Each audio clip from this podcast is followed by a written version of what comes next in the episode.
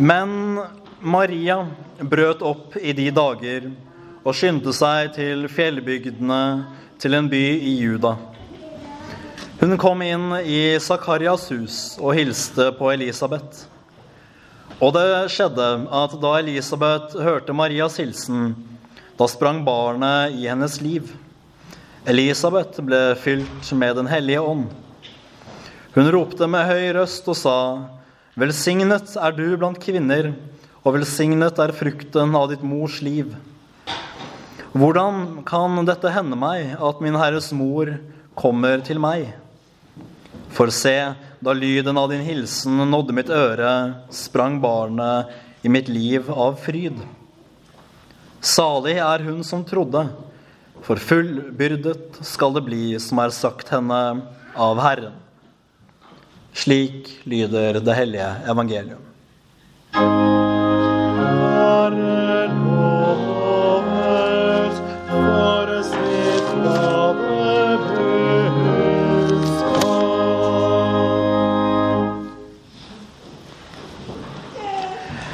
Jeg må nesten uh, begynne med å si litt om uh, Bibelen, om uh, Guds ord, som vi kanskje ikke alltid så ofte tenker over.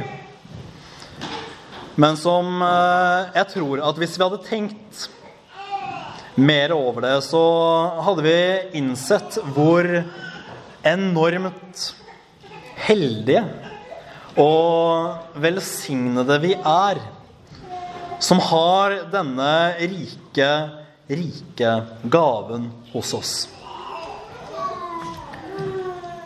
For det er nå engang sånn at vi mennesker, vi lever her på jorden. Vi lever her på en verden som Gud har skapt, men selv om vi vet at Jesus sine løfter som han ga til disiplene, nettopp om at han er med oss alle dager inntil verdens ende, står fast, så vet vi samtidig at Gud kan føles langt borte, og det tilhører sjeldenhetene at vi kan høre Guds stemme. Men så er vi nå en gang så heldige og så velsignede at mellom to permer så har vi det som er en fullgod åpenbaring om hvem Gud er. Gjennom de gamle fedre, gjennom profetene, og først og fremst gjennom Jesus Kristus selv og evangeliet om ham. Det er en stor og rik skatt som vi skulle tenke at er nettopp dette, som ikke er en selvfølge. For la det herske liten tvil om nettopp det at Den hellige skrift er Guds eget ord til oss i dag. Og så heldige er vi som har fått dette, som absolutt ikke er en selvfølge. Men vi har det, og Guds ord, det skulle vi holde høyt. Ja, vi skulle holde det høyest av alt. Og kanskje er det ikke sånn her i nord. Jeg har i alle fall ikke møtt det her oppe helt ennå. Men andre steder i verden og andre steder i landet så kan det virke som om Den kristne kirke tenker at Guds ord, det er ikke bra nok. Det holder ikke. Vi må trekke folk til kirke med andre ting. Vi må trekke folk til kirke med kule rockeband eller med laser- og lysshow eller andre ting. Ting som ikke står i Bibelen, og ting som kanskje heller ofte forkludrer budskapet enn klargjør det. Så det var en uh, kort påminnelse nå om uh, hvilken skatt vi egentlig har i Bibelen. Hvor dyrt vi skulle holde dette. Og tenke at uh, her har vi den største skatt av alle. Her har vi Guds ord. Og det er ikke helt dratt ut av kontekst at jeg begynner med å si litt om Bibelen eller om Guds ord. Fordi hva er det vi hører om i evangeliet som hører til Maria bebudelse? Jo, det er budskapet om at Jesus Kristus skal bli født. Og vi husker jo det vi leser fra evangelisten Johannes i det første kapittel at ordet ble menneske. Og vi lærer jo at Jesus Kristus er også Guds eget ord, som blir menneske gjennom jomfru Maria. Og vi fortsetter der med å si litt om Maria. Jomfru Maria, den hellige Maria. En helt unik kvinne. Det må vi si. Det finnes ingen andre kvinner som Maria. Det finnes kun én jomfru Maria. Og sånn sett, Det kan man jo si om egentlig alle mennesker. Det, sånn som vi lærte på søndagsskolen, det finnes jo bare én meg, og jeg er unik. Og jeg duger. Men samtidig så må vi jo si at Maria er unik på et helt annet plan enn eh, andre mennesker. Det er jo bare Maria som er Guds mor. Maria er en helt unik kvinne. For tenk, hva var det som skjedde? Jo, hun fødte faktisk Gud. For noen så er det et eh, anstøt å benevne Maria med denne tittelen Guds mor. Og Jeg skal ikke bruke for mye tid på å grave i det. Men jeg tenker at i en eh, frykt for de eh, ubibelske mariadogmene fra Roma, så kan man eh, risikere å hva er det man sier, kaste barnet ut med badevannet. Guds mor er en tittel på Maria som vi absolutt burde beholde. Hva er det som gjør noen til en mor? Jo, det er at hun føder vedkommende. Vi sier jo ikke med det at eh, Maria skapte Gud. Det ville jo vært eh, helt absurd. Men like absurd så ville det vært hvis jeg hadde kalt min mor for min skaper bare fordi hun fødte meg.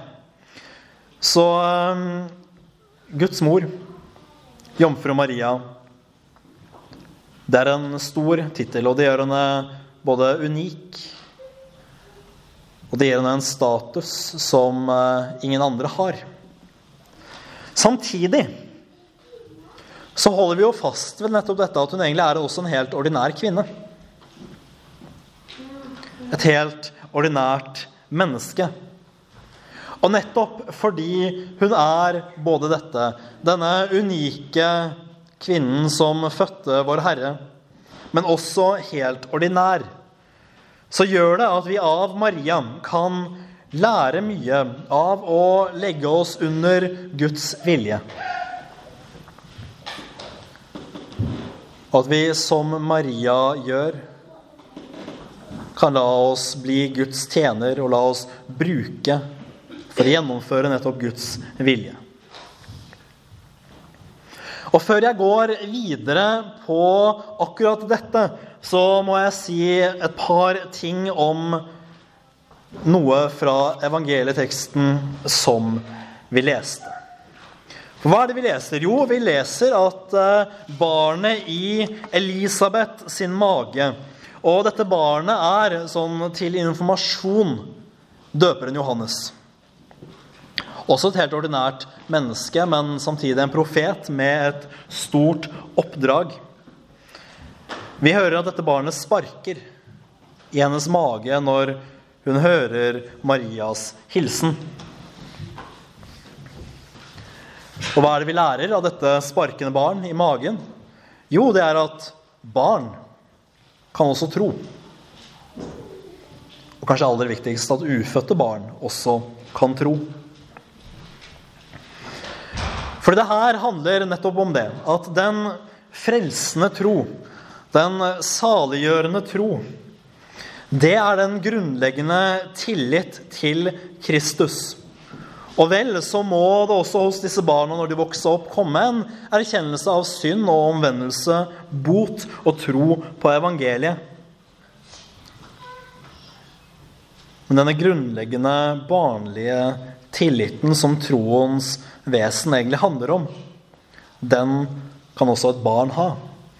Om det så er født eller ufødt.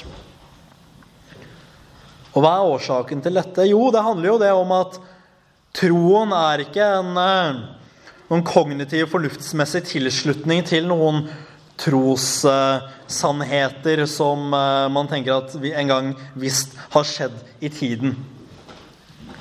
Å kjenne til troens artikler er jo ikke saliggjørende i seg selv.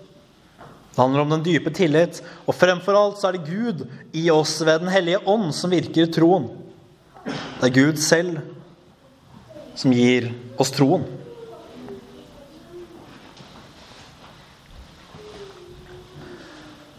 Og så ser vi også videre av dette at Gud brukte Maria til å føde Jesus Kristus. At Gud bruker vanlige mennesker til store ting. Hvor ofte tenker vel ikke vi, hvor ofte tenker vel ikke du, og hvor ofte tenker vel ikke jeg at Gud kan vel ikke bruke meg? Jeg er et fullstendig unyttig redskap for Herren. Og så kommer dette, denne farlige tanken Hadde jeg bare Hadde jeg bare vært litt mer hellig, hadde jeg bare vært litt mer from Hadde jeg bare vært litt bedre så kunne vel Gud brukt meg. Og det er ikke farlig bare pga. den tanken, men den følgende slutningen av det kan jo være hadde jeg bare vært litt frommere, så kunne jeg vel kanskje frelst meg selv. Og da er man jo, som dere vet, på ville veier.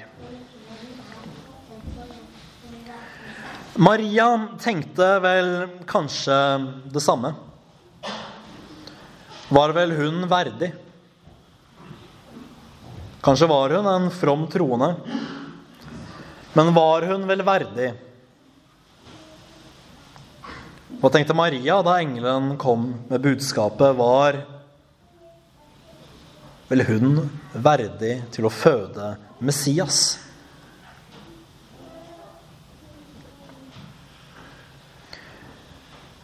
Men når Gud da bruker en vanlig kvinne til å føde verdens frelser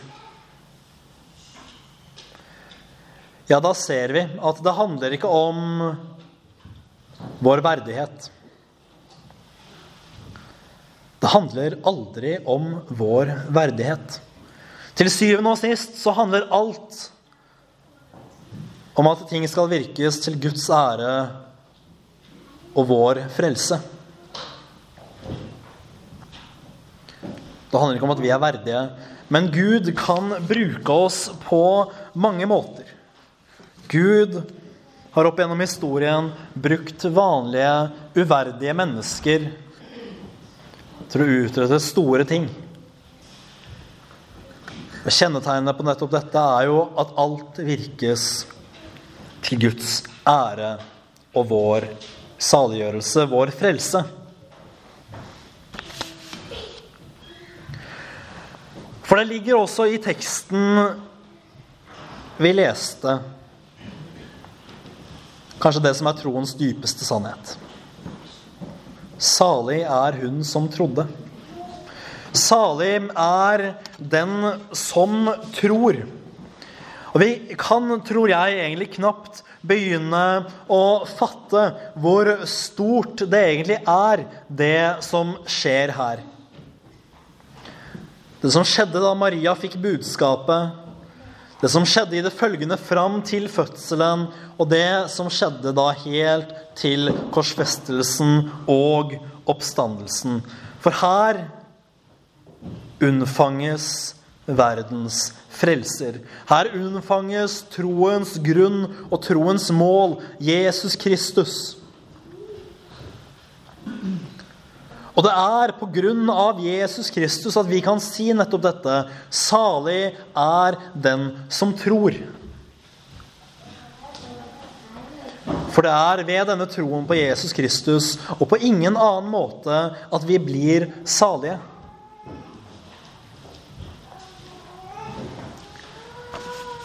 Og kan vi, kan vi stole på dette? Kan vi stole på at når vi tror på Jesus Kristus som vår eneste grunn til nåde hos Gud og forlatelse for syndene, at vi da blir salige? Kan vi stole på dette? Ja, det er klart vi kan det, fordi Guds løfter, de står alltid ved lag. Vi kan si som Elisabeth, for fullbyrdet, fullbyrdet skal det bli som er sagt oss av Herren. For Guds løfter står ved lag. En Gud som er trofast, en Gud som ikke kan lyve. En Gud som har lovet oss at det er frelse i troen på Kristus.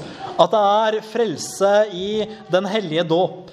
At det er syndenes forlatelse i skriftemålet og i nattverdens hellige sakrament. Gud kan ikke lyve. Guds løfter fra den tid står fast fremdeles i dag. Guds løfter til Israel ble oppfylt i dette som vi leste, at en Messias skulle komme, en frelser skulle fødes. Og Guds løfte til oss for Jesu Kristi skyld, om nåde, om syndenes forlatelse, de står ved lag. Vi tror på en Gud som ikke skifter mening. Vi tror på en Gud som er en klippe. Vi tror på en Gud som står støtt, som ikke driver hit og dit ettersom tidene forandrer seg. En Gud som er den samme i går og i dag, ja, til evig tid. Og kanskje virker dette med verdens øyne rigid. Tidene forandrer seg jo. Hvorfor kan ikke Gud endre seg? Hvorfor kan ikke Gud skifte mening? Hvorfor kan ikke det som var synd for 2000 år siden, opphøre å være synd i dag? Vi lever jo tross alt i 2019. Men for å ikke styrte våre sjeler ut i den dypeste fortvilelse, så er vi nødt til å holde fast ved dette at i ett og alt så holder Guds løfter til den dag i dag. Guds mening står fast. Gud er den samme for 2000 år siden. Han endrer seg ikke. Og kanskje nettopp virker det med verdens øyne vanskelig å forstå. Kanskje virker det rigid. Men når vi vet at det eneste vi har å trøste oss på, er Guds løfter Når det eneste vi kan fly til for vår frelse, er troen på Kristus og Guds nåde, da er vi avhengige av at eldgamle løfter, at eldgamle meninger, står fast. At disse ikke har endret seg. At Guds løfte om frelse for den som tror på Jesus Kristus, er like sanne i dag som for 2000 år siden. Guds løfter til oss for Jesu Kristi skyld, om nåde, om syndenes forlatelse, de står ved lag. Og vi tror på en Gud som ikke endrer seg. Vi tror på en Gud som som ikke skifter mening. Vi tror på en Gud som aldri kan lyve, og vi tror på en Gud som står ved sine løfter. Og Gud være takk nettopp for det. Ære være Faderen og Sønnen og Den hellige ånd, som var, er og blir en sann Gud fra evighet og til evighet. Amen.